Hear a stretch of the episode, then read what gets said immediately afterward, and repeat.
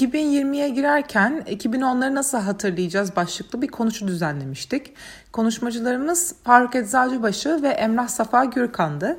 Bu kayıtta konuşunun özetini dinleyeceksiniz. Son derece yüksek katılımlı bir konuşu olduğundan dolayı arka plan sesleri hala bu kayıtta mevcut. Bunun için sizden şimdiden özür dileriz. Biz aslında ben Faruk Bey'e önerdim ilk sözü ama Faruk Bey e, nezaket gösterdi, bana verdi. Bakalım konuşmanın geri kalan kısmını alabilecek mi lafı geri? Çünkü dediğim gibi ben çok hızlı konuşan bir Hoca, Hocalığın getirdiği bir takım gereklilikler var tabii. Evet zaten e, buradan önce İlber Ortaylı ile bir konuşma dedim. Ben hiç konuşamadım benim konuşmam olmasına. Moderatör olarak katıldığı konuşmada. Dolayısıyla hevesim kursağında kaldı. Ben bir tarihçiyim. 2010'dan e, nasıl hatırlayacağız? Yani gelecek zamanla ilgili bir sorun nasıl muhatap oldum? Belki en azından beni tanımayanlar yani tarihçi ne alaka diyebilir. Aslında e, bu tam bir kontrast da oluşturuyor olabiliriz o anlamda ama aslında e, tarih bana bir gün biri sorduğunda tarih ne işe yarar diye verdiğim cevap olmuştu. İnsanlığın bir laboratuvarı yok ve siz aslında toplumların belli şeylere, belli değişimlere nasıl tepki verdiğini öğrenmek istiyorsanız tarihe bakacaksınız. Tabii tarihe bakarken tarih kendi içinde bir ilim değil, ilim gibi değil de sosyolojisiyle, ekonomisiyle hangi alan açısına bakacaksınız. O ek alanın metodolojisini kullanarak yapacaksınız. Ben tabii 2010'ları en spesifik olarak tarif eden şey aslında internet ve internetle beraber kişiye özel, kişiye cater eden kişiye özel hizmet sunan aletlerin çıkması, bu bilgisayarların işte touchpad'lerin, iPad'lerin, iPhone'ların yaygınlaşması ve aslında bu medium değişimi. Ve biz aslında bugün ne konuşacak konuşalım? Bu medium değişimi ekonomi ve sosyolojiye yani bizim nasıl para kazanacağımızı, hangi işlere atmamız gerektiğini, hangi mesleklere gitmemize e, ya da değerlerimizi yani bu değerler insanın işte cinselliğinden, aile yapısına, din inanışından, milliyetçiliğe bakışına kadar nasıl değiştiğini anlatacak, anlamamız lazım. Bunu anlayan hayatını kaliteli yaşayacak. Bunu anlayan diğerlerine göre iş hayatında da, entelektüel hayatta da, işte ne bileyim aile hayatında da aslında daha önde olacak. Bu anlamda benim kendi bildiğim şeyin bana verdiği bazı tecrübeler var. Mesela medium değişince ne oluyor? İnsanlıkla ilgili hani nereye bakabiliriz diye baktığınızda tarihte birkaç tane böyle çok önemli mihenk noktası var. Mesela bunlardan biri e, bugün Türkiye'de etkisini hissetmediğimiz bir şey. Kitabın ucuzlaması mesela. 18. yüzyılda kitap ucuzluyor ve bizim intensive e, reading'den extensive reading'e dediğimiz şeye geçiyor. Mesela İbn Sina üzerine hiçbir şey okuyan biri var mı? İbn Sina mesela bir yere gidiyor, TUS'a falan. Orada 6 ay vezirlik yapıyor. Ve o vezirlik sırasında orada bütün kitapları okuyor. Okuyordan kasıt ezberliyor aslında. Çünkü kitap çok pahalı, bulması zor. Yani 150, 200, 300 tane kitabı devirip devirip devirip devirip Aristo gibi değil mi? Gül'ün adını hatırlayın bir tane kitabı peşinde koşuyorlardı falan. Böyle bir dünya. Buna intensive reading diyor. Aynı şeyi tekrar tekrar okuyorsunuz ve skolastik düşünce içinde karşılaştırıyorsunuz. 18. yüzyıldan sonra extensive reading'e geçtik biz. Yani kitap sayısının artmasıyla artık birçok insan, insan birçok kitabı elinin altında bulunabiliyor ve bu interdisipliner şeyleri yavaş yavaş getirdi. Şimdi bunun bir üçüncü seviyesi var, artık dijital şey. Nedir o? Biz cebimizde her şeyi bulundurabiliyoruz. Yani ben şu anda cebimden istediğim zaman 5 milyon kitaba ulaşabiliyorum. Library Guinness'e giriyorum. Kaçak maçak ama bütün kitapların pdf'si var. Dolayısıyla hiç para olarak düşünmeyin. Bazen kitabın gelmesi 3 gün sürüyor ve ben o kitaptan 3 sayfa bakacaksam bakabiliyorum. Yani bu ancanın mesela Byzantine Unix diye bir kitap olduğu zaman ya da e, bu henüz Fransızcası, Portekizcesi falan olmuyor ama İngilizcelerinde bunu yapın. Her kitaba ulaşabilirsiniz. Eğer ulaşamazsanız 2-3 gün içinde çünkü bu Türkiye gibi ülkeler için çok önemli çünkü kütüphanesi yok yani bu e, Betim gibi Amerika'da doktor yapmış ve geri gelmiş insanları tekrardan potada dünya standartında ilim yapabilmesi için olmazsa olmaz sene konan şartlardan biri. Dolayısıyla böyle bir dönemin içindeyiz ve bu bizim bilgiyle olan ilişkimizi de değiştiriyor. Fakat biz buna tam adapte olamadık. Size bugün mesela internetteki bilginin kullanışına bakın. Mesela bana çok şaşırırsınız şöyle sorular geliyordu. Hakikaten bu bir anekdot yani gerçek bir anekdot. Bir gün bir arkadaşım geldi bana da 2-3 kitap söyle şu tarihi çözeyim dedi. Şimdi ben, dedim ki ben geri yani 15 15 yıldır ben benim geldiğim beri 2-3 kitapları. Bu işte tam o intensif şeyin yani bilgi sınırlıdır ve acquire edilen bir şeydir. Discover edilen bir şey değil, edinilen bir şeydir. Sınırlı sayıdadır. Ben bunu edineceğim ve bunu bir güç olarak, bir prestij şey olarak e, kullanacağım. Böyle düşünüp kapitalistleşen bir ülke yok. Aynen bugün de benden talep edilen popüler bir tarih var. İlber talep edilen de ben arkadaşıma ne satarım? Genelde mesela Ekşi falan yorumlara baktığım zaman benim olmaz öyle saçma tarihte sunmaya çalıştığım şey yorumdu. Birçok insan yorumlara çok şey yapmıyorum da bilgileri alıyorum diyor. Halbuki bilgiler onları oyalamak, yoruma çekmek için benim ortaya attığım bir takım şeyler. Yani bir tane kelimenin etimolojisini veriyorum hani ilgisi dağılmasın diye toparlamak için kullandığım şeyi meta zannediyor. Çünkü bilgiyle ilişkisini ters kurmuş. Ve bu düşünme çağında aynı sanayi devrimi nasıl atlandıysa bakın 19. yüzyıldan bir şey vereyim. Çok basit. 238 tane medrese öğrencisinin bütün terekelerinde çıkan kaç tane kitap var biliyor musunuz? Değişik title'da. 168 tane. Bütün Osmanlı medrese sistemi 168 tane kitap okuyor yani. Bu büyük bir şey. Bugün de öyle. Bugün de aynı kitapları okuyorsunuz. Yani mesela neoliberalizm de biraz. Mesela Ferrari'sini satan adam diye bir kitap formatı var ya. Her sene bir tane çıkıyor. Anladık. Zenginsiniz ve, e, ve parayla olmadığını anladık. Yani şimdi bu da size bu. Ama Türkiye'de bu sadece burada kalmış. Bu anlamda ben eğer şimdi Faruk Bey'e de vereceğim sözü. Bu gördüğüm şey bilgiyle sorumlu ilişki değişmezse ve malumat furuşluktan yani malumat satma biliyorsunuz. Furuşten satmak demek. Şimdi bu furuştan satmak demek işte bu önemli bilgi değil. Bu ilgiyi tutmak için verilmiş. Esas dediğim yorumlar ama tam tersi alınıyor Türkiye'de. Bu şeyden çıkılmazsa ben Türkiye'nin her yüzyılı için, her 10 yılı için aynı şey söylerim. The Decade of Lost Opportunities. Ve zaten çok güzel bir laf vardı. Türkiye geleceği parlak bir ülkedir ve her zaman geleceği parlak bir ülke kalacaktır diye. Bu söz bende galiba. Tabii sizde. Bir kere çok teşekkürler. Hakikaten çok ufuk aydınlatıcı. Şimdi hoca benim açıkçası düşüncem bilginin kılık değiştirdiği. Yani biz bir kere şunu söyleyeyim. Kerem ismi o 10'lu yılları nasıl kapayacağız dediği zaman 9'lu yıllar bence çok ilginç bir yani hakikaten e, içgüdüsel midir nedir? 9'lu yıllarda çok önemli olaylar oluyor. Mesela 1929'da büyük bir kriz yaşanıyor. 1900 1789'da Fransız ihtilali, ihtilali yaşanıyor. E, Fransız devrimi yaşanıyor bugünkü Türkçeyle. E, tam 200 sene sonra 1989'da internet e, tabana iniyor. Yani e, işte World Wide Web oluşturuluyor. Bundan 20 sene sonra, o aslında tam 9 değil ama yani işte 2008'de yine bir 10 yıl kapanmasına doğru dünya son yüzyılın son en son yüzyılın ikinci en büyük krizini yaşıyor. Ekonomik krizini yaşıyor. Ben bu krizin aslında yani biraz da internet yüzünden doğduğunu düşünüyorum. Yani internetin getirdiği nedenlerden dolayı. Çünkü hakikaten finans dünyasında bilginin kullanımının kontrolünü kaybettiği bir dönemde özellikle finans dünyasında kontrolünü kaybetmesi yüzünden çıkan bir kriz o gayrimenkul krizlerinin biraz bu nedenden dolayı çıktığını düşünüyorum. Ve 2010 2000'li yıllarla 2010'lu yıllar arasında çok önemli bir tezat olduğunu düşünüyorum. 2000'li yıllar hepimiz kol kola girdik işte küreselleşme yüceleştirildi. Bence çok da iyi yapıldı. Arkasından işte ekonominin de balon gibi şişmesinden dolayı herkes el ele kol kola girdi. Böyle bir dönem yaşandı. 2008'de bir kıyamet koptu ve 2010'lu yıllara bütün dünyadaki ülkeler, bir iki ülke hariç, başta Almanya olmak üzere büyük bir borç yükü içinde girdiler. Şimdi buna benzer bir krizde şeyde yaşandı. 1929 krizinde yaşandı. O da o belki bundan da daha büyük bir krizdi ama etkisi nispeten sınırlıydı. Onun arkasından da 2030, şey, 1930'lu yıllarda dünyanın yine ayrıştığı, yine popülist liderlerin çıktı ve sonunda da büyük bir kıyametin koptuğu yıl oldu. Yani toplum, yani Batı toplumunun %25'inin işsiz olduğu, Almanya'da bu işsizlik oranı %29'u buldu. Neticede Hitler gibi yani şeyler 3. Reich çıktı, e, Naziler geldi ve kıyamet koptu. Yani 19, 1939'da kıyamet koptu. Yani 10 yıl onun getirdiği yükün ceremesi çekildi. Şimdi 2010'lu yıllara baktığımız zaman hakikaten bu bilginin yaygınlaşmasını veya tabiri caizse e, demokratikleşmesinin sonuçlarını çekiyoruz. Yani ağırlığını çekiyoruz, avantajlarını yaşıyoruz ama aynı zamanda da yükünü taşıyoruz. Yani bilgi evet yani e, senin dediğin gibi e, bir zamanlar çok kısıtlı bir fiziksel bir kitap kavramından hareket eder, ederken şimdi bilgiyi biz aslında doğru yanlış, onun hakkında bir şey demiyorum. Yani bilgi her yerde, her anda e, bulabilecek duruma geldik. Yani bu aslında bunu özümsemeyi becerebildiğimiz takdirde çok büyük kurumun farklılaşacağını düşünüyorum.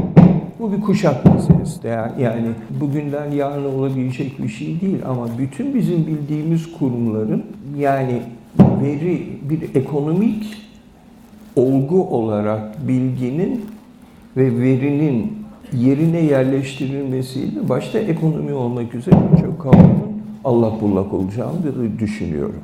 Yani eski ile yeni arasında geçmişle karşılaştırmak bence e, doğru. Yani başka çaren yok. Başka çaren yok. Ama yani alıştığımız kavramların da birçoğunun kendini yenilemesi gerektiğini düşünüyorum. Başta da ekonomi.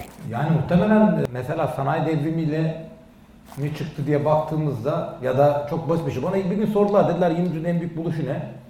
20. yüzyılın en büyük buluşu ne? Bir fikri olan var mı? Bir Efendim? şey de- Ne? 20. yüzyılın sizce en, buluş, en büyük buluşu ne? 20. Ya bir sürü şey olabilir de yani hani ilginç bir şey söylemek için ben başka bir şey söyledim. Bakayım siz ne diyeceksiniz? Elektrik 20. yüzyılın buluşu değil 20, ama tam ya. 19. O yüzyılın kadar değil de böyle aletvari bir şey anladım ben. O kadar yoksa işte ne bileyim. Oto- otomobil falan mı? Na- nasıl? Ot- Otomobil mi? Ben şey dedim, e, buzdolabı dedim. Buzdolabı. Çünkü karşında bir şey vardı, bayan vardı aslında o kadının orada olabilmesi buzdolabıyla alakalı. Çünkü buzdolabı olmazsa yani çok belli ki anarkil bir toplum yok. O ev işi kadın yapacak yani. Dolayısıyla mesela kadın iş gücüne katan şeylerden biri. Bu te- yani bir sürü şey söylenebilir böyle ama bazen o değişimin nereden geleceği de ve bazen de bir gün işte İlker'le omuzda çalışma tarihi yaparken e, bu dönem ileride neyin dönemi olacak falan dediğinde yani hakikaten e, sadece bu şey değil. Ben şakasına The Age of Ambalaj demiştim. Zaten ambalaj İngilizce değil ama yani bir de o var. Artık bir yandan böyle postmodern dünyada bütün şekilleri kırdığımız bir dönemde bir de her şey algıya da dönüştü. Tabii bunun çok fazla sonucu da olacak ama onun dışında bireye özel. Bu çok tehlikeli, bu çok... e, bu lafı kullanınca, bu lafa da bir hassasiyet gerekiyor ama kullanacağım ben İngilizce kullanınca şizofrenik bir şey. Şöyle, sizin realiteniz size özel ya. Yani bu bilgisayarın nereye gideceğini anlamadan yani internet demokratikleştirir diyorduk. Ama Big Brother'a da dönüşebiliyormuş. Evet. Ya da o Panopticon mu neydi o şey Foucault'un şeyinde var. Hani hepimizi gören şey değil mi? Ne işte? Ha, Panopticon. pardon. Biz ona Mordor diyoruz. Ya Mordor, evet evet. Aynen doğru evet Mordor'a dönüşebilir. Yani şimdi onu bilmeden eskiden ve şu var ama hiçbir zaman o mücadelede tarih onu gösteriyor. Bir tarafa doğru yatmıyor. Yani toplum çok dinamik. O mücadelede hiçbir zaman bireyin kontrolünde tam olmuyor. Toplumun kontrolünde. Yani aslında Türkiye'de de bu var. Şimdi e, son kitap kitapta bir şey için irtica kelimesini kullandık. İrtica deyince ne anlarız? Yani başa kapalı, çarşaf falan filan. Değil işte. İrtica aslında bir hayata bakış, geriye bakış. Türkiye'de mesela onun bir şeyi var ve Türkiye buradan kaybediyor. Yani biz geçmişe mi bakacağız? Bana geliyor çocuk. Ya binlerce insan tarih okumuyor. Mühendis, endüstri mühendisliğinde okuyorum. Ot diyor bırakacağım tarih okuyacağım dedim. Bırakma ya oku endüstri de ondan sonra. Yani anlatabildim mi? Böyle herkesin tarihçi, bakın bu eğitimde de görüyor. Herkesin tarihçi, edebiyatçı, ilahiyatçı olduğu bir toplum olamaz yani. Bunun sürekli bunun bir altyapısı da yok. Biz bu teknolojiyle falan barışamadık. Teknolojiyle barışamadığımız gibi normal bilgiyle de o ilişkiyi kuramıyoruz. Ben öğrencilerde falan filan da görüyorum. Hep malumat üzerinden e, bu ilişki kuruluyor. Ve bunun büyük bir, geçen gün bu R360 diye bir müteahhitlerin bir şey vardı. Orada bir konuşma yaptım. Çok enteresan bir şeydi. Müteahhitlere baka baka ya hani siz Osmanlı'dan aldım geri kalmasının nedeni bu ülkenin katma değerli ürün üretememesi. Yani yüksek know-how üretemiyor işte. Müteahhitle, inşaatla bu arada müteahhitler çok beğendi. Çünkü hiç kimse ona söylediğimi düşünmedi. Herkes yanındaki iş adamına söylediğimi düşündüğü için şak şak şak alkışladılar. Dolayısıyla orada patronların da şeyi, böyle sizin gibi de rahat değil herkes. O patronlar Arkadaki iş, şeyler için adamlar alkışlayamıyor korkularından patron var diye. Dolayısıyla böyle bir işte bunu Türkiye'nin aşabilmesi için know-how'ı şey olması lazım. Bugün Türkiye'nin üniversite sisteminden şeyine kadar bu sürece hazır değil ki biz daha önce de konuştuk belki 20 sene sonra üniversite diye bir kurum kalmayacak. Evet, Çünkü tabii, üniversite tabii, nereden çıktı? tabii. Üniversite nereden çıktı? Üniversite aslında orduya subay ve e, tıpçı, hekim yetiştirmek için çıktı. Ve artık 250 tane her sene, her ay her yıl meslek çıkıyor. Şu anda en iyi üniversiteler nereden oluyor aslında Türkiye'de falan da? Niye herkes Boğaziçi'nden, Bilkent'ten falan çıkıyor? Orada bir şey öğrettiklerinden değil yani. Sana öğrenmeyi öğretiyor çünkü. Yani bana bir konu verin böyle bir konu yaptıkları zaman işte ben burada çıkıp konuşabiliyorum. Az çok bir günlük bir hazırlıkla bir şey yapabiliyoruz. Şimdi bunu yapabilmeyi öğretiyor. Ama belki bu bunu daha yakalayabilen yeni kurumlar çıkacak. 19. yüzyılın kurumlarını kullanmak zorunda kalmayacağız. Bu anlamda hani bir akademisyen olarak böyle bir endişem de var. Çocukların yıllarını harcıyoruz. Çocuğun yılı harcayınca sizin de yılınız harcanıyor şirket olarak. Ötekinin de ha kendinizi hissetmek isterseniz siz gidiyorsunuzdur belki. Cezayir'e Lübnan'a gidin. Orada da bizim nasıl bazı alanlarda ileri olduğumuz bu tip şeyler de görüyorsunuz. Çünkü orada gökdeleni bile yapamıyorlar yani.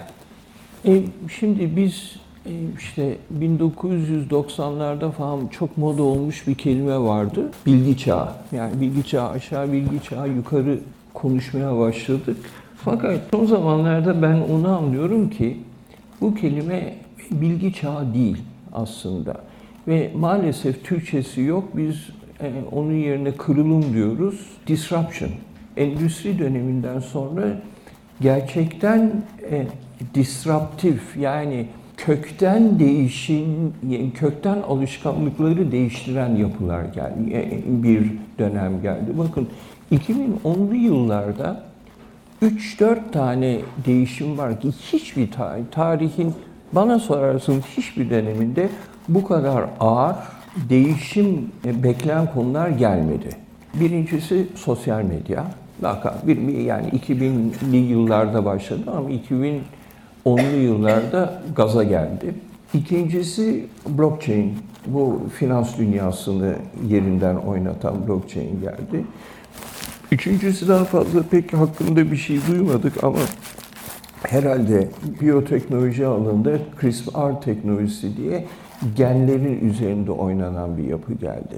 Şimdi bu üçü de o kadar temel bizim alıştığımız kavramları yerinden oynatacak yapılar ki bunun etkisinin ne olduğunu bilmiyoruz. Her biri bir Newton bunların yani aslında. Evet, evet. Çok, çok yani gerçekten çok büyük değişimler bunlar. Yani sosyal medyayı artık kanıksadık. Yani yanında yalan haberleri getirdi. Ne bileyim ben işte politik kalmadı. Yani her an ben Evet tabii ki. Tabii ki. Evet. Yani, politik değişimleri getirdi. Yani Amerika'da veya İngiltere'deki bu ağır değişim farklı yöneticiler eğer sosyal medya olsaydı belki gelmeyecekti. Myanmar'da bu Arakanlar, Rohingyalar şeyle öldürülüyor, kiloyla öldürülüyor insanlar.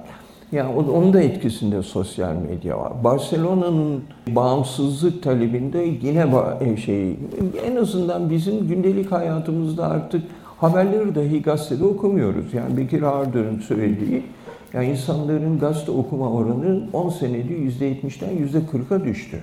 Gençlerde bu oran %20. Yani artık haberler başka türlü alınıyor. Twitter üzerinden oluyor, başka türlü oluyor. Yani bunlar aslında çok temel ve derin değişimler. Şimdi e, burada gelecek hakkında öngörüde bulunabilmenin ben çok çok zor olduğunu düşünüyorum. Ama benim inandığım bir şey var. Bizim hayatımıza giren kavramların ne, neredeyse hepsi ve ben kavram dediğim zaman yani kurum ve kavram diyorum. Hepsi aşağı yukarı endüstri çağında gelişmiş kavramlar. Yani hukuk sisteminden tutun, eğitim sisteminden tutun, dernekler, vakıflar, şirketler aklınıza ne gelirse gelsin.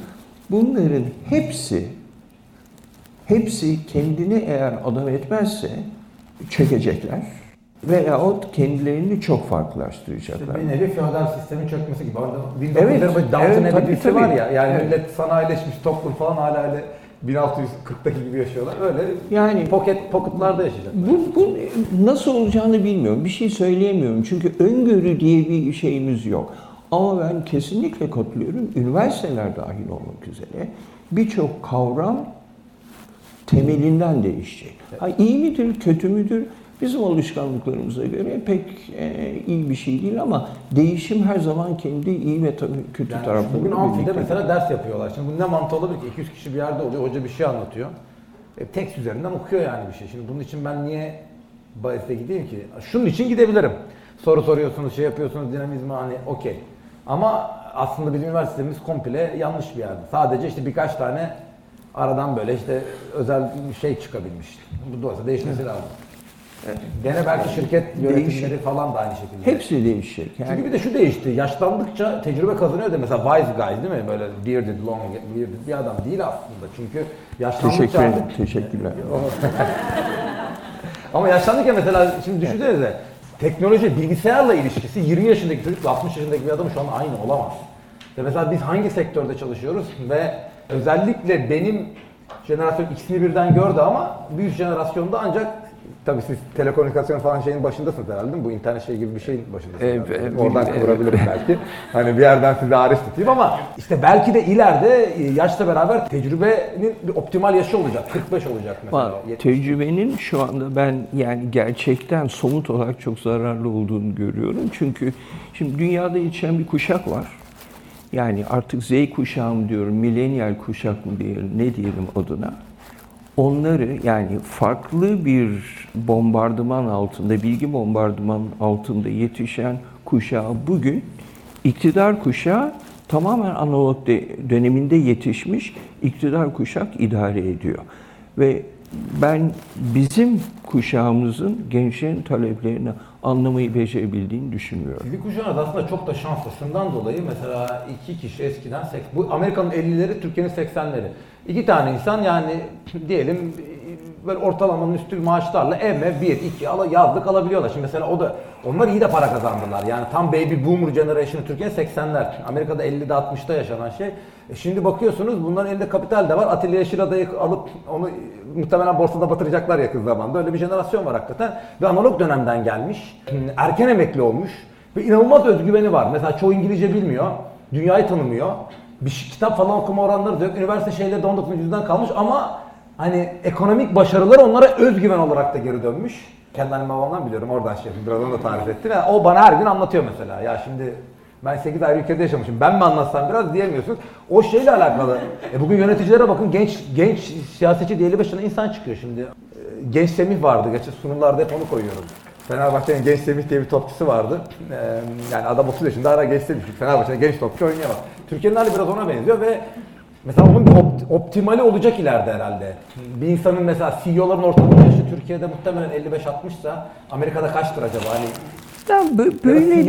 değil. De kriter neyse.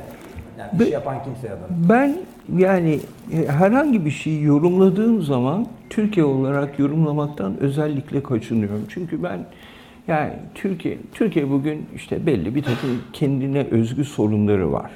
Ama bu kendine özgü sorunların as yani daha doğrusu Türkiye'deki sorunlara iki türlü bakma, iki şekilde bakılabilir diye düşünüyorum. Birincisi Türkiye'nin gerçekten kendine özgü sorunları olarak dünyadan izole edilmiş bir şekilde bakabilirsiniz. İkincisi dünyada olup bitenin Türkiye'ye yansıması olarak bakabilirsiniz. Bence bu ikisi birbirinden farklı. Ben şu anda bizdeki kendi genlerimizden, coğrafyamızdan, kültürümüzden kaynaklanan bir takım sorunlar yaşadığımızı görüyorum.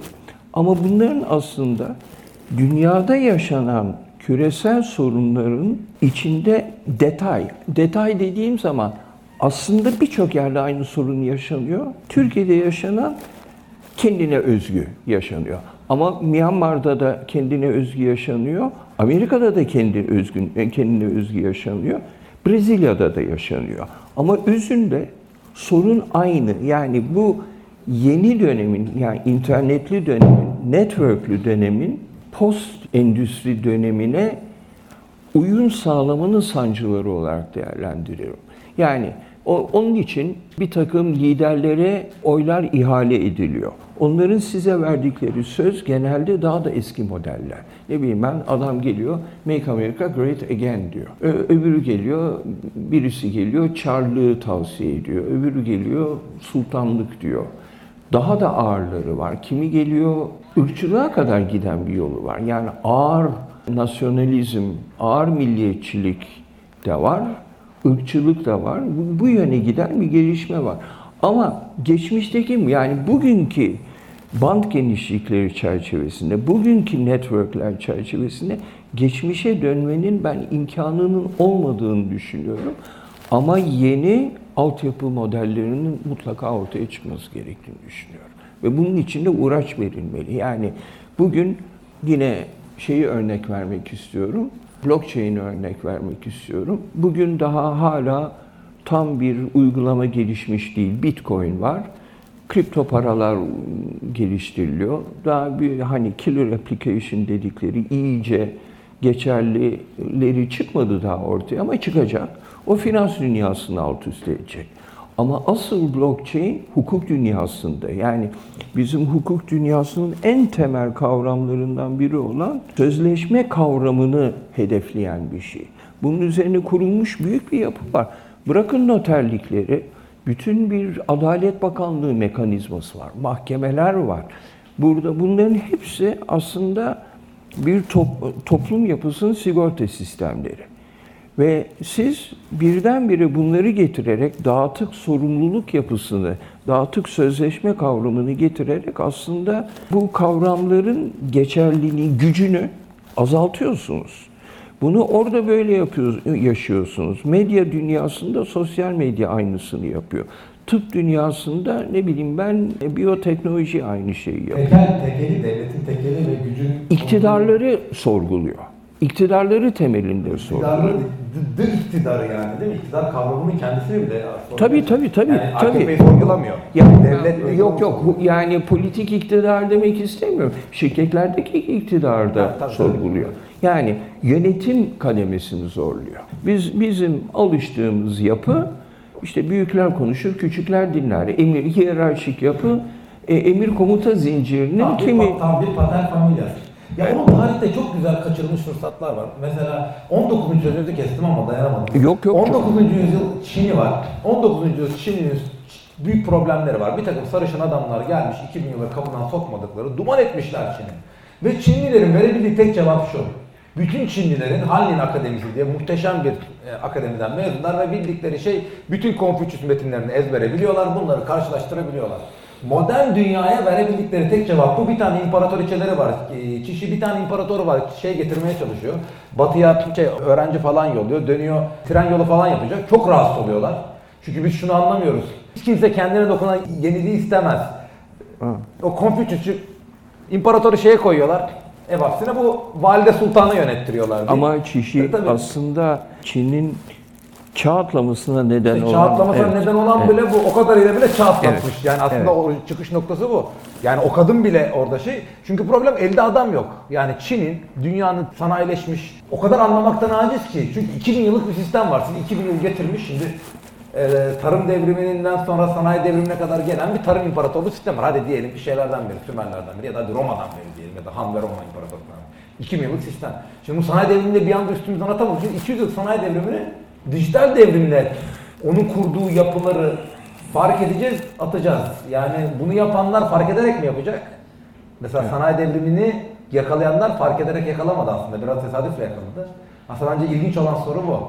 Ya Türkiye'nin yakalayamayacağı ama Türkiye üzerinde konuşmuyoruz. Nerede yakalayacak? yani e, bizim aslında çok açık ara farklı mıyız diğer yani en gelişmiş diye kabul ettiğimiz ülke yani karşı, karşılaştığımız sorunlar bizim bütün dünyada aynı. Bu Amerika'da da böyle, İsveç'te de böyle, Surinam'da da böyle, bizde de böyle. Ha bunlara kulvarda biz çok fazla farklı yerde de koşmuyoruz. Ama bundan sonra koşma hızımızın çok nasıl olacağını çok önemli olduğunu düşünüyorum. Yani mesela Batı toplumları gittikçe yaşlanıyor. Yani bunu o koşmayı kaldırabilirler mi onu bilmiyorum. Belki genç toplumlar daha dinamik onların koşmasının çok daha farklı olabileceğini düşünüyorum ben. Ama altyapısını sağlayabilecek miyiz mesela? Yani? valla yani bugün şey. esas soru bu. açıkça konuşalım. Bugün benim diyen ve biraz iddialı olan gençlerin hangisi yalnız okul eğitimiyle yetindi? Sosyal kapital olarak yapabiliriz. Evet. Gelen yani sosyal kapital tabii görelim. Yani sosyal kapital olsun, dışarıdan gelen eğitimler olsun. Ben mesela e, bir takım gençler tanıyorum. Sırf tane özel olarak bildiğim bir delikanlı var. Nevi şahsına münhasır da bir karakter. Sırf öğretmenine gıcık olsun diye o, o zamanlar Wikipedia'dan ders çalışıyordu ve 40 yıllık aynı şeyi öğretmeye çalışan öğretmenini challenge ediyordu derslerde. E böyle yapılar da var. Yani kimse yani bugün okul öğretiminden yetinmiyor. Yani nasıl olsa daha Ama fazla kapital de düşük ya. Yani, bilmiyorum. yani artık bu jenerasyon yani okuma oranı, Bilmiyorum. üniversite mezunu oranı. Ya onun yani onun hangi kriterlere göre değerlendirileceğini bilmiyorum. İşte biraz özellikle başlangıç noktası çerçevesinde bir takım gençlere bakıyoruz. Yani Anadolu'da yayılmış hakikaten antenleri açık, girişimcilik gücü yüksek ve dünyanın farkında olan e, gençler olduğunu görüyoruz. E, dünyada bunun yani e, yüzdeye vurduğunuz zaman yani ne bileyim ben belki İsveç'te falan yüzde yetmişlere seksenlere vuruyordur. Ama birçok ülkede yani bu farkın ne olduğunu istatistiksel olarak bilgi var mı elimizde onları bilmiyorum açıkçası. Kriter belirleyemeyeceğiniz için aslında bilgi gene subjektif olacak. Hangi Yani bir bilgi herkese e, yani o bilgiyi kullanmayı becerebilen herkese bilgi O açık. zaman aslında bu tip internet bilgi çağı bizim gibi altyapı çalışmaları için sunk cost'u azaltıyor. Yani Evet, de- evet. Yani mesela biz en basit ekonomiye bakalım. Ekonominin bugün tanımı nedir? Ekonomiyi biz kıt kaynakların yönetimi olarak adlandırıyoruz. Kıt kaynaklar nedir? Yani klasik olarak makine gücü, insan gücü, bir de işte Ya. property, mülk, evet, şey, toprak diyelim. Bunların birincisi, bunların hiçbiri e, kıt değil artık. Yani bugünkü yapının içinde evet fiyatlandırma yani alıştığımız anlamda belki kıt ama bugünkü yapı altında kıt değil. İkincisi bunun üzerine data diye bir ekonomik kavram koyuyorsunuz yeni. O çok bol. Üstelik de neyin doğru, neyin yanlış, iyi bilgi, kötü bilgi gibi ekonomik olarak tanımlanması çok zor bir yapı. Şimdi bununla birlikte ekonomi yepyeni bir şekle bürünüyor. En, en temel bizim alıştığımız bilimlerden bir tanesini siz yapısal olarak sorgulamaya başlıyorsunuz. Bunları yani buna benzer hukuk hukukta da aynı şey var. Yani bugünkü e, işte yani en en basitinde basın kanununa bakın. Hiyerarşik medya usulüne göre yapılmış. Biri konuşur, 50 kişi dinler. İşte biri yazar, bin kişi okur. Bugün herkes konuşuyor. Neyle kız, ne, neye göre sansürleyeceksin? evet, köşe yazarı diye bir kavram olması şu an mesela çok saçma. Zaten hepimiz Ya bugünkü gazetecilerin durumunu biliyoruz. Yani içeride olmayanlar. İçeride olanlar gibi çok para Cümleden öyle bir şey. Evet. Dışarıdakiler. Ya ben bu değişimi bilmiyorum ben tarihsel olarak ümitsizim. Çünkü ben bu hikayeyi bir kere gördüm. Herhangi bir tarım toplumuna bakarsanız, yani özellikle Çin çok güzel bir örnektir. Osmanlılar aslında o kadar kötü değiller bu alanda. Ama şeyi de görüyorsunuz, benim yani, şimdi biz akademisyenler çok dolaşıyoruz. Habire bir yerlere çağırıyorlar falan. Ben Cezayir'e gittiğimde çocukluğumun Türkiye 70'lerin 80'lerin Türkiye'sini gördüm yani. Mesela e, wireless yok. En lüks oteli, ordu evi. İnanılmaz hipokrasi var. Şöyle mesela döviz bulundurmak yasak. Apartman altına döviz bolduruyorsunuz falan. Ve her şey aksıyor. Hiçbir şey. Yani bir arabayı zamanında kaldıramıyorlar. Bunun istisna olduğu yer neresi? Havalimanı. Her zaman bakın havalimanları, fabrikalar falan düzenleyici şeylerdir. Birçok yerde o time punctuality öyle oturmuştur. Yani metro varsa 4 dakikada bir geliyorsa o otobüsten iyidir. Hani o sanayi devrimi getirdiğini görüyorsunuz. Ve şeyi de görüyorsunuz. Mesela buraya çıkarken Ceren çok dakik. Önce bir beş buçuk kuralı altıda kolumuzdan getirdi Sonra, sonra ben altı muhtemelen- çeyrek kala geldim. Tüyleri diken diken olmuştu. Tabii tüyler diken gitti. Çünkü neden? İngiltere'de okudu bu kadar basit. Mesela ben çok disiplinliyimdir. Onun da nedeni çünkü yani Cizvit okulunda okursanız orada hakikaten yani iki dakika bir şey yani iki, bir tane ofis ağır kaçırdım 5 senede 100 yıl lafını ettiler. Dolayısıyla bu tip şeyler bu tip hani o sanayinin öyle bir şeyi vardı köylü topluma göre. Şimdi dijital toplumun da kendine göre bir ahlakı var. Bir bireyi var o dijitalliğe uyan bir adam var. Ee, onun bir ahlakı var. Hatırlarsanız mesela ilk çıktığında Ferhan Şahso şeye kızıyordu cep telefonla oynayanlara. Şimdi yani konuşmacı olarak benim saatim içime bakmayı unuttum. Buradan ben bile baktım. Yani konuşan bile saate buradan bakıyor. Acaba ne kadar oldu falan diye. Şimdi artık o değişti. Yani eski tipin bastıramayacağı bir şey oldu. Gene mesela şunları ortaya çıktı. Mesela üniversite hep oradan geliyor ama bilgi üzerinden. Online üniversiteler çıktı. Ve bu bugün de vereceğim bütün örnekler size çatıyor. Kimdi o şey Türkçe konuşan konuşmayandan paracıda sağlam? Siz değildiniz değil mi? Abiniz miydi, babanız Evet. mıydı? Bülent abi. Ha, abiniz. Mesela şimdi artık o da olacak iş değil. Özellikle ben tecrübe edermişim yani. Ev üstün üstünüze yapmam lazım. Çünkü hakikaten benim gibi böyle 6-7 dil bilen biri için kitapta bile oradan buradan sizin de var mı öyle bir şey? Yok ben e, yani bunun kabahat yani kabahat demeyeyim ama yani bir takım kelimeler var ki e, Olmuyor yok yani. yok, Great yok. Divergence'ı nasıl anlatayım ben? İşte Büyük kırılma diyorsun. şey diyoruz, e, ben aynı disruption yok, challenge yok. Bunların Türkçeleri yok. Bu hele drone, drone'u İHA diye tercüme ediyoruz. Yani insansız hava aracı. Yani bunun gibi çok terim. Yani her sene birkaç tane kelime Peki siz de para veriyor musunuz o ligde? Ben onu merak ettim. Yok artık galiba Bülent de pes etti. Hayır iyi müşteri burada yani. Şuraya getiririm ben de. Çünkü şöyle bir şey var. Şimdi düşünüş değişti. Ben olmaz öyle saçma şeye gelen en çok gelen eleştiri bu. Ya ben şimdi sabah kalktım mesela. Bu Donald Trump belgeseli vardı. Netflix benim Fransa'dan. Yani bu, bu çok kötü bir belgesel. Fransız izleyeyim de hani biraz eğlence olsun. Ondan sonra gittim İngilizce bir ders aldım. Sonra İlber Ortaylı ki zaten onun ne konuştu belli. Bir onu konuşuyor. Buraya geldim Türkçe konuşuyorum. Ya buradan belki diyeceğim bir Alman ya diyelim sonsuz biliyorsun. Ya da sürekli bir ekspozelik vardı ve aklınıza hızlı konuşa challenge etmek geliyorsa yani onu durup hani belki orada şey yapılabilir. Mesela çok değişti. Artık o eleştiri eskiden çok geldi. Daha az geliyor. Ya da ne bileyim eskiden e, mesela kür, üniversite kürsü sistemi vardı. Adam sosyoloji sadece sosyoloji yapması bekleniyor.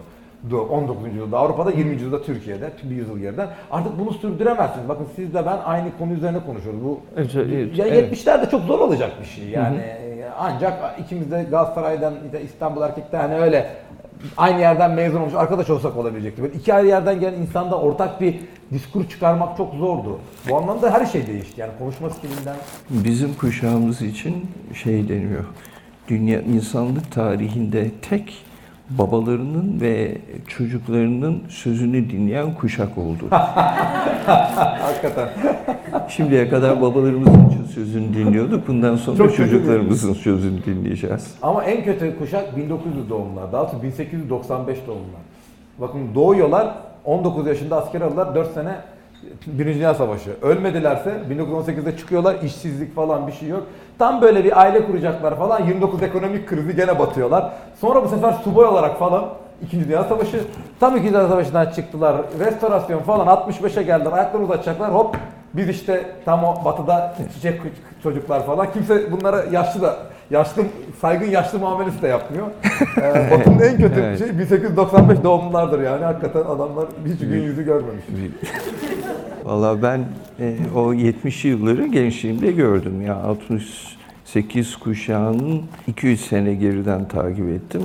Yani o kuşağın verimlileri bugünün e, progresiflerine devam ediyorlar ve hakikaten iyi bir dönemdi diye kabul ediyorum yani hala. Yani zaten o dönemin aslında çok yapıcı 20. yüzyılda damgasını vuran o, o yıllar oldu. Ama o çok eksepsiyonel bir şeydi. Bakın e, bazı şeyleri tarihte anlamak lazım. Mesela demokrasi çok unstable bir yapıdır. Ve dünyada kendi kendine demokrat olan 5 tane falan ülke vardır. Yani Almanya işgalle demokrasi olmuştur. İspanya baskıyla demokrasi olmuştur. İtalya işgalle demokrasi olmuştur. Kendi içinden demokrasi çıkaramadı bu ülkeler. Yani e, bu neoliberal hani çok zor. İkinci Dünya Savaşı sonrasında birçok yere geldi. İngiltere ancak böyle yerinden federal yönetimle falan e, gelen bir şeydi. Gene aynı şekilde bu o dönemin hani şimdi şöyle neoliberalizmin şöyle şeyleri var. Bunları da geri gitmeyecek diye bir şey yok. Neoliberalizmin mesela bireyi sürekli öne çıkaran işte istersen başarırsın. İşte başarmak yani bu kadar bireye cater eden bir mutlu dönemi yaşamak için de sürekli bir Arthur'un seviyesini tutmak lazım. Mesela ilk krizde dediğiniz gibi sağa doğru yu- 2008 krizi, 29 krizine göre büyük şey makro scale'da belki o kadar değil ama mikro scale'da çok yani insanlar çünkü şey yok, emeklilik yok, e, sigorta yok. Yani so- sosyal şey çok daha ağırdı. Oradan faşizm çıktı. Ama 2008'de ona göre sosyal şey çok yavaş olan bir şeyden bile her yerde sağ iktidarlar geldiğine göre biz tekrar yani aynı popüli aynı sendromu e, yani iki- 2010'lu yıllarda gördük.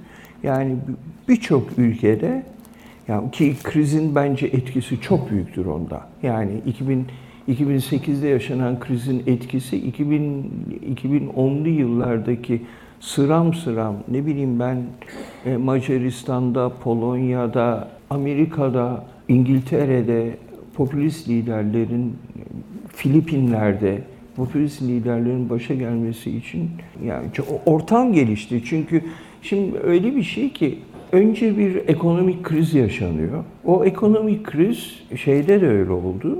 İşte yani 2000 yani 1929'dan sonra da oldu. O büyük boşluğu, o çaresizliği popülist liderler doldurdu. E, söylemler doldurdu. Ondan sonra da ekonomi düzeldi ama kum Onlar kaldı. gitmedi- Onlar gitmediler. Onlar gitmediler. Onlar gitmediler. Evet. ekonomi düzeltmiş oldular aslında. İki ekonomi, e, mesela Hitler ekonomiyi düzeltti. Gerçekten düzeltti Almanya'da. Birçok ülkede onlar yani 2010'lu yıllarda da aynı aynı şey Çünkü şu da yaşandı. var, kriz zamanı güçlü merkezli execution istiyor ya. Mesela diktatör kelimesi nereden gelir bilen var mı? Diktatör Roma'da bir şeydir. Yani konsül Evet. bir yıllık yani başkomutanlık yetkisidir. Zaten diktatör dikte etmek, ferman etmek demek. Yani senatoya yani size mesela yönetim kurulu ya gidiyorsunuz Berlin'de biriyle görüşeceksiniz. O gün karar verilmesi lazım. Yönetim kurulundan yetki alırsanız o diktatörlük oluyor zaten. 6 aylık bir süredir. İki kere şey var. Kötü anlamı yoktur. Bugün onu, o, o kelimenin kötü hali tirandır zaten o zaman. Yani Roma'ya gitseniz birine diktatör deseniz ne aa seçildim mi der ama tiran derseniz e, başka bir şeye gelir. Yani o aslında büyük kriz anlarında mesela şeye bakın ve büyük ve bu süreç öyle atlatılabilir. O riski söylüyorum. Mesela feodal yapı vardı. François Furet'in La Revolution Française okuyun Fransız ihtilali. Orada göreceksiniz. Fransa 1787 yılında Orta Çağ'dan bir araya kalmış. Yani sistem öyle bir çökmüş ki. Her adımıyla çökmüş. Ve hiçbir şeye cevap veremiyor. 1917'de Rusya'daki sistem ya 2 milyon işçi çıkmış bir anda St. Petersburg'da. Çar 1600 yılındaki gibi yaşıyor. Her şey kilitlenmiş. Reform yapamıyorsunuz. İkna ile reform. Ne oluyor? Kanlı süreçler şeyler. Şimdi eğer bu sanayi devriminin süreçleri kendi içinden reformu çıkaramazsanız hakikaten belki sağla da olabilir o. Yani bunun böyle bir şeyi de var. Kendi içinden sistem tıkandığı zaman çünkü hep böyle extraordinary şeyler. Yani Almanya niye Naziler geldi? Ondan ekonomi bitmiş. Fransa şey Versay Anlaşması'nın altından kalkılamıyor. Birinin gelip yani artık bu meclistir, diyalogtur, koalisyondur bitirip yani aslında AKP iktidarı bir şey odur. Koalisyonlarla 15 sene geçince tek iktidarı gören herkes hala istikrar diye basıyor mesela. Aynı şey, aynı sistem yani. Bugün, bugünlerde Türkiye'ye geldi Davran Acemoğlu. Onun yeni kitabı özellikle bu bahsettiğiniz konuların üzerine değiniyor. Narrow Corridor diye bir kitabı var. İşte bir, e, bir öyle bir koridor var ki bir tarafı kaos, vare diyor şey Leviathan'dan kalma bir terim olarak. Öbür tarafta da Leviathan var. İkini, ikisinin arasında dar bir koridor var. Orada da toplum Leviathan'ı kontrol ediyor. Ne kadar karşılıklı başarılı olarak diyalog kurabilirlerse ikisi birbirleriyle buradan şey çıkıyor. Alice Harikalar Gidiyarı'ndaki kraliçeden Red Queen efekt diyor.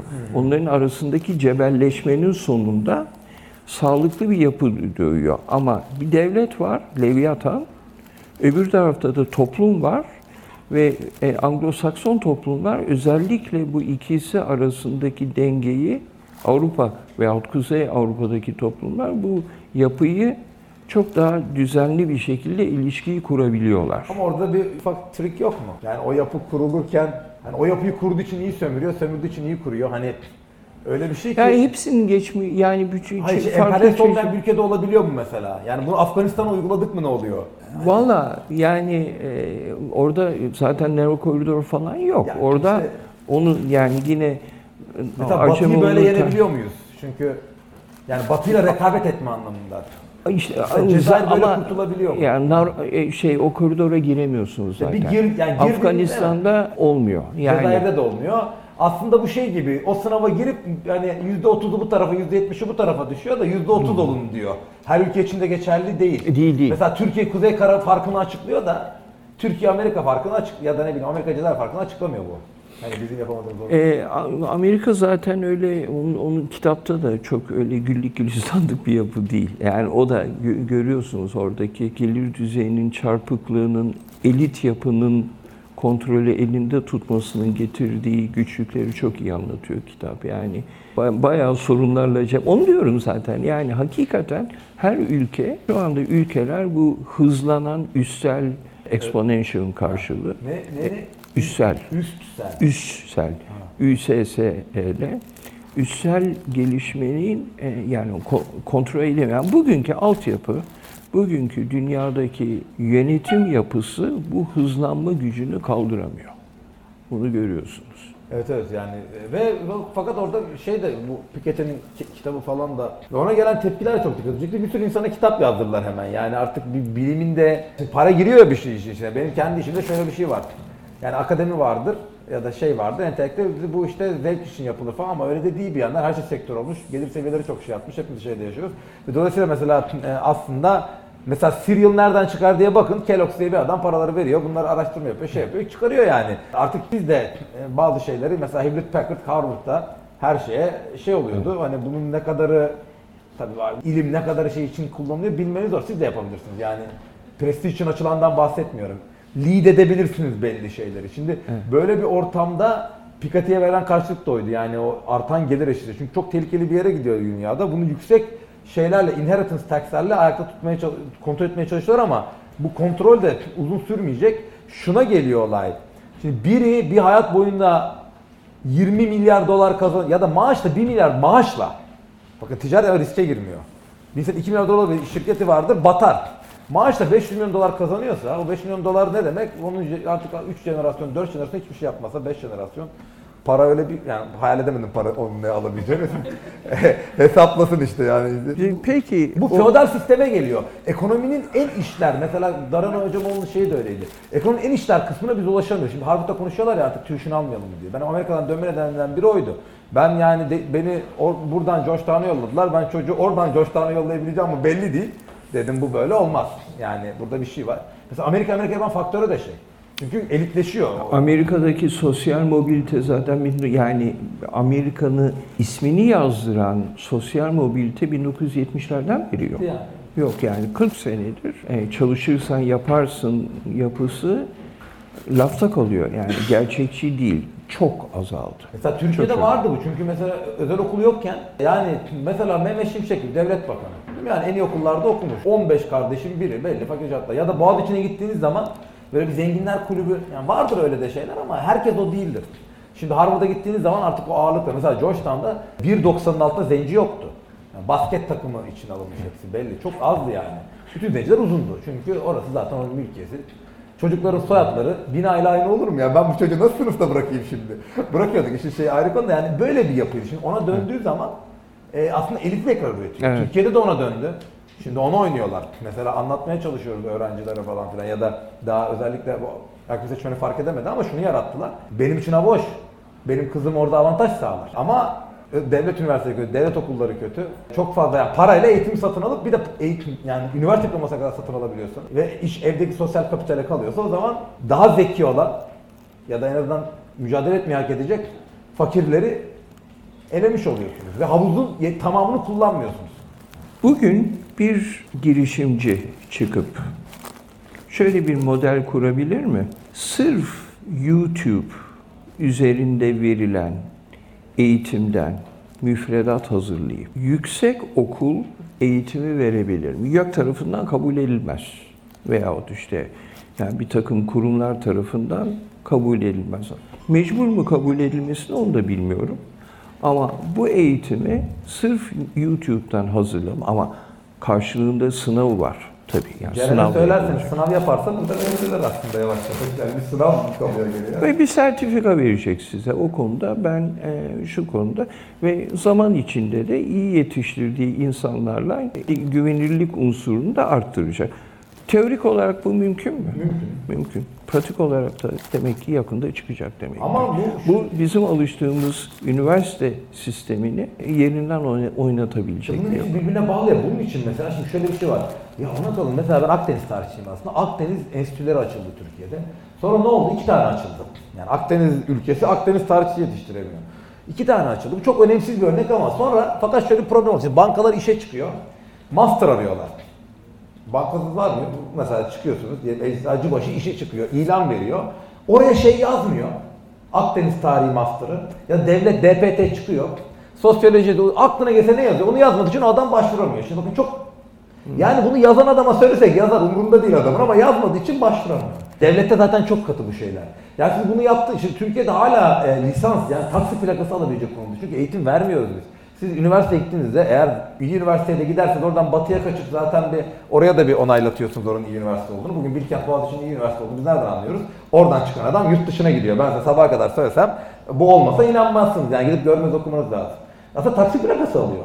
Şöyle bir eğitim türü olabilir mi? Gidiyorsunuz 400 kişiyle beraber oturuyorsunuz. Sınavdan sınava gidiyorsunuz. Aslında yaptığınız yapı kredi şubesine gidip yani elinize şey alıp para yatırıp Fatura yatırıyorsunuz yani onu yapıyorsunuz. Sonra size bir belge veriyorlar aynı şey gibi. Şimdi ben bu arada mesela bilmiyorsun uzaktan şey okuyorum. Turizm otelcilik. Hiç gitmedim daha okula. Gidince şey alacağım. O turist gezdirmem lazım. O zaman evet. O baby boomerlar var ya belli bir klasmana gelmiş baby. Tabii baby boomerlar onları hedefliyoruz inşallah.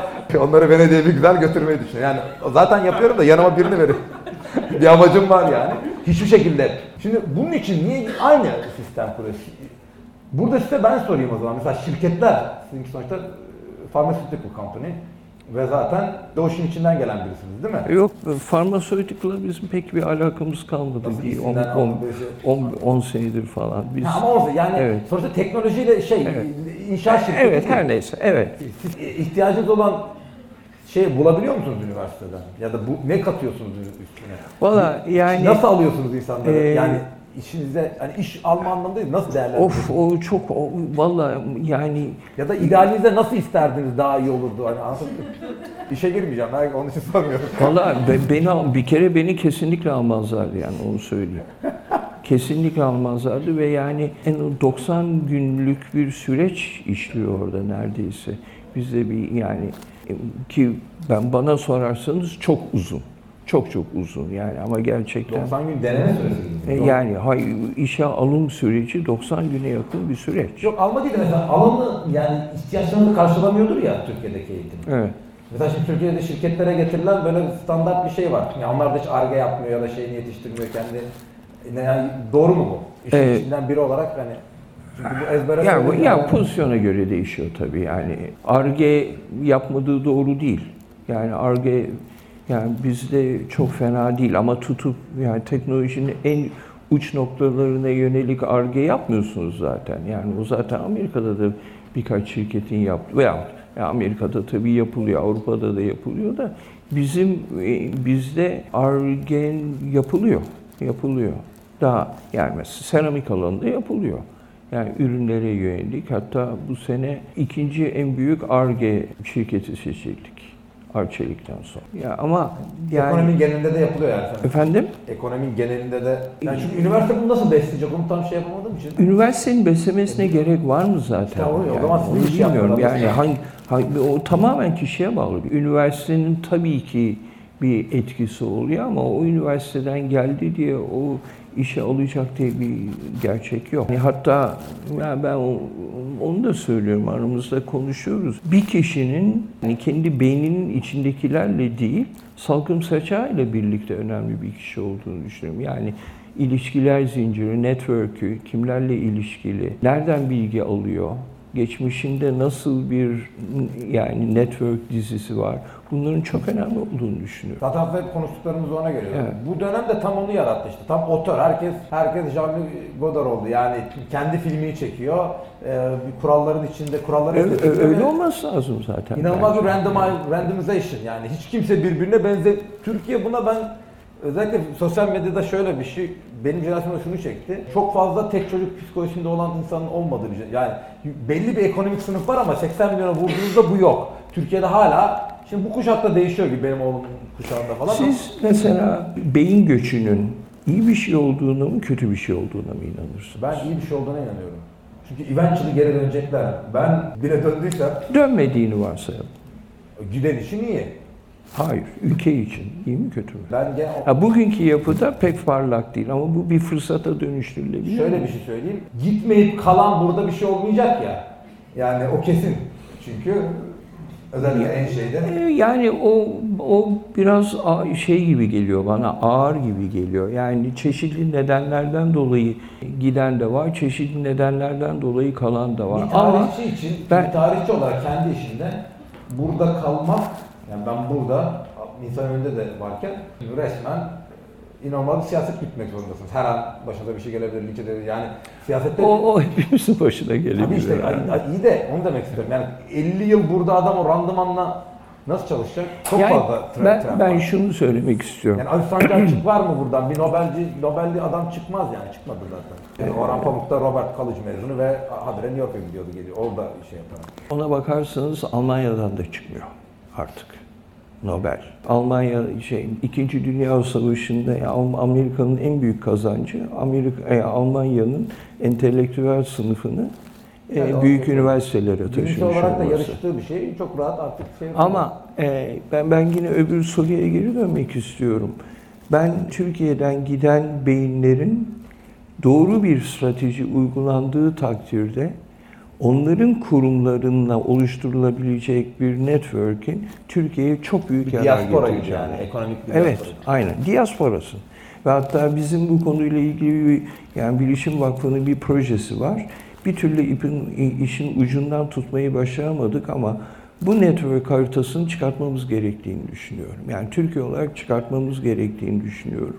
Çünkü yurt dışına giden Türk uzmanların yani akademisyen olsun, e, yönetici olsun veya başka şirketlerde çalışan uzmanların birikmiş bir know-how'unun kısmen Türkiye'ye projeler kanalıyla aktarılabileceğini düşünüyorum. Tabii burada gene teknolojiye geliyoruz. Aslında o adamın orada olması bir şey değiştirmiyor. Değiştirmiyor tabii. Ben oradayken de burada gene kendimden bir şey. Buradaydım tabii ki, yani. tabii ki. Ben yani An- aynı zamanda Ankara çünkü ben Ankara'da okudum ve hala Ankara'dayım. Yani bir şey olduğumu çağırıyorlar.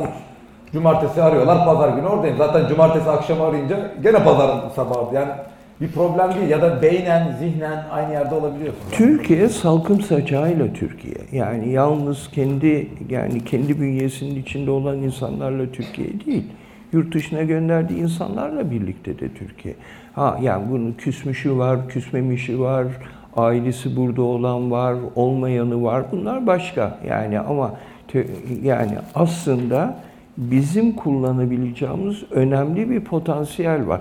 İsrail zaten bugün İsrail olduysa böyle bu, bu, bu nedenden dolayı oldu. Kendi Tabii tabii hepsi nükleer Tabii ki. adamlar öyle o adamları bir şey yaparak. ben hep şeyi düşünmüşümdür. 1980'li yıllarda veya 90'lı yılların başında Sovyetler çıktığında e, Azerbaycan'ın nükleer uzmanlarını yani veyahut daha doğrusu nükleer değil, fizikçileri keşke Türkiye'ye getirebilmiş olsaydı. bir şey müzisyenleri geldi.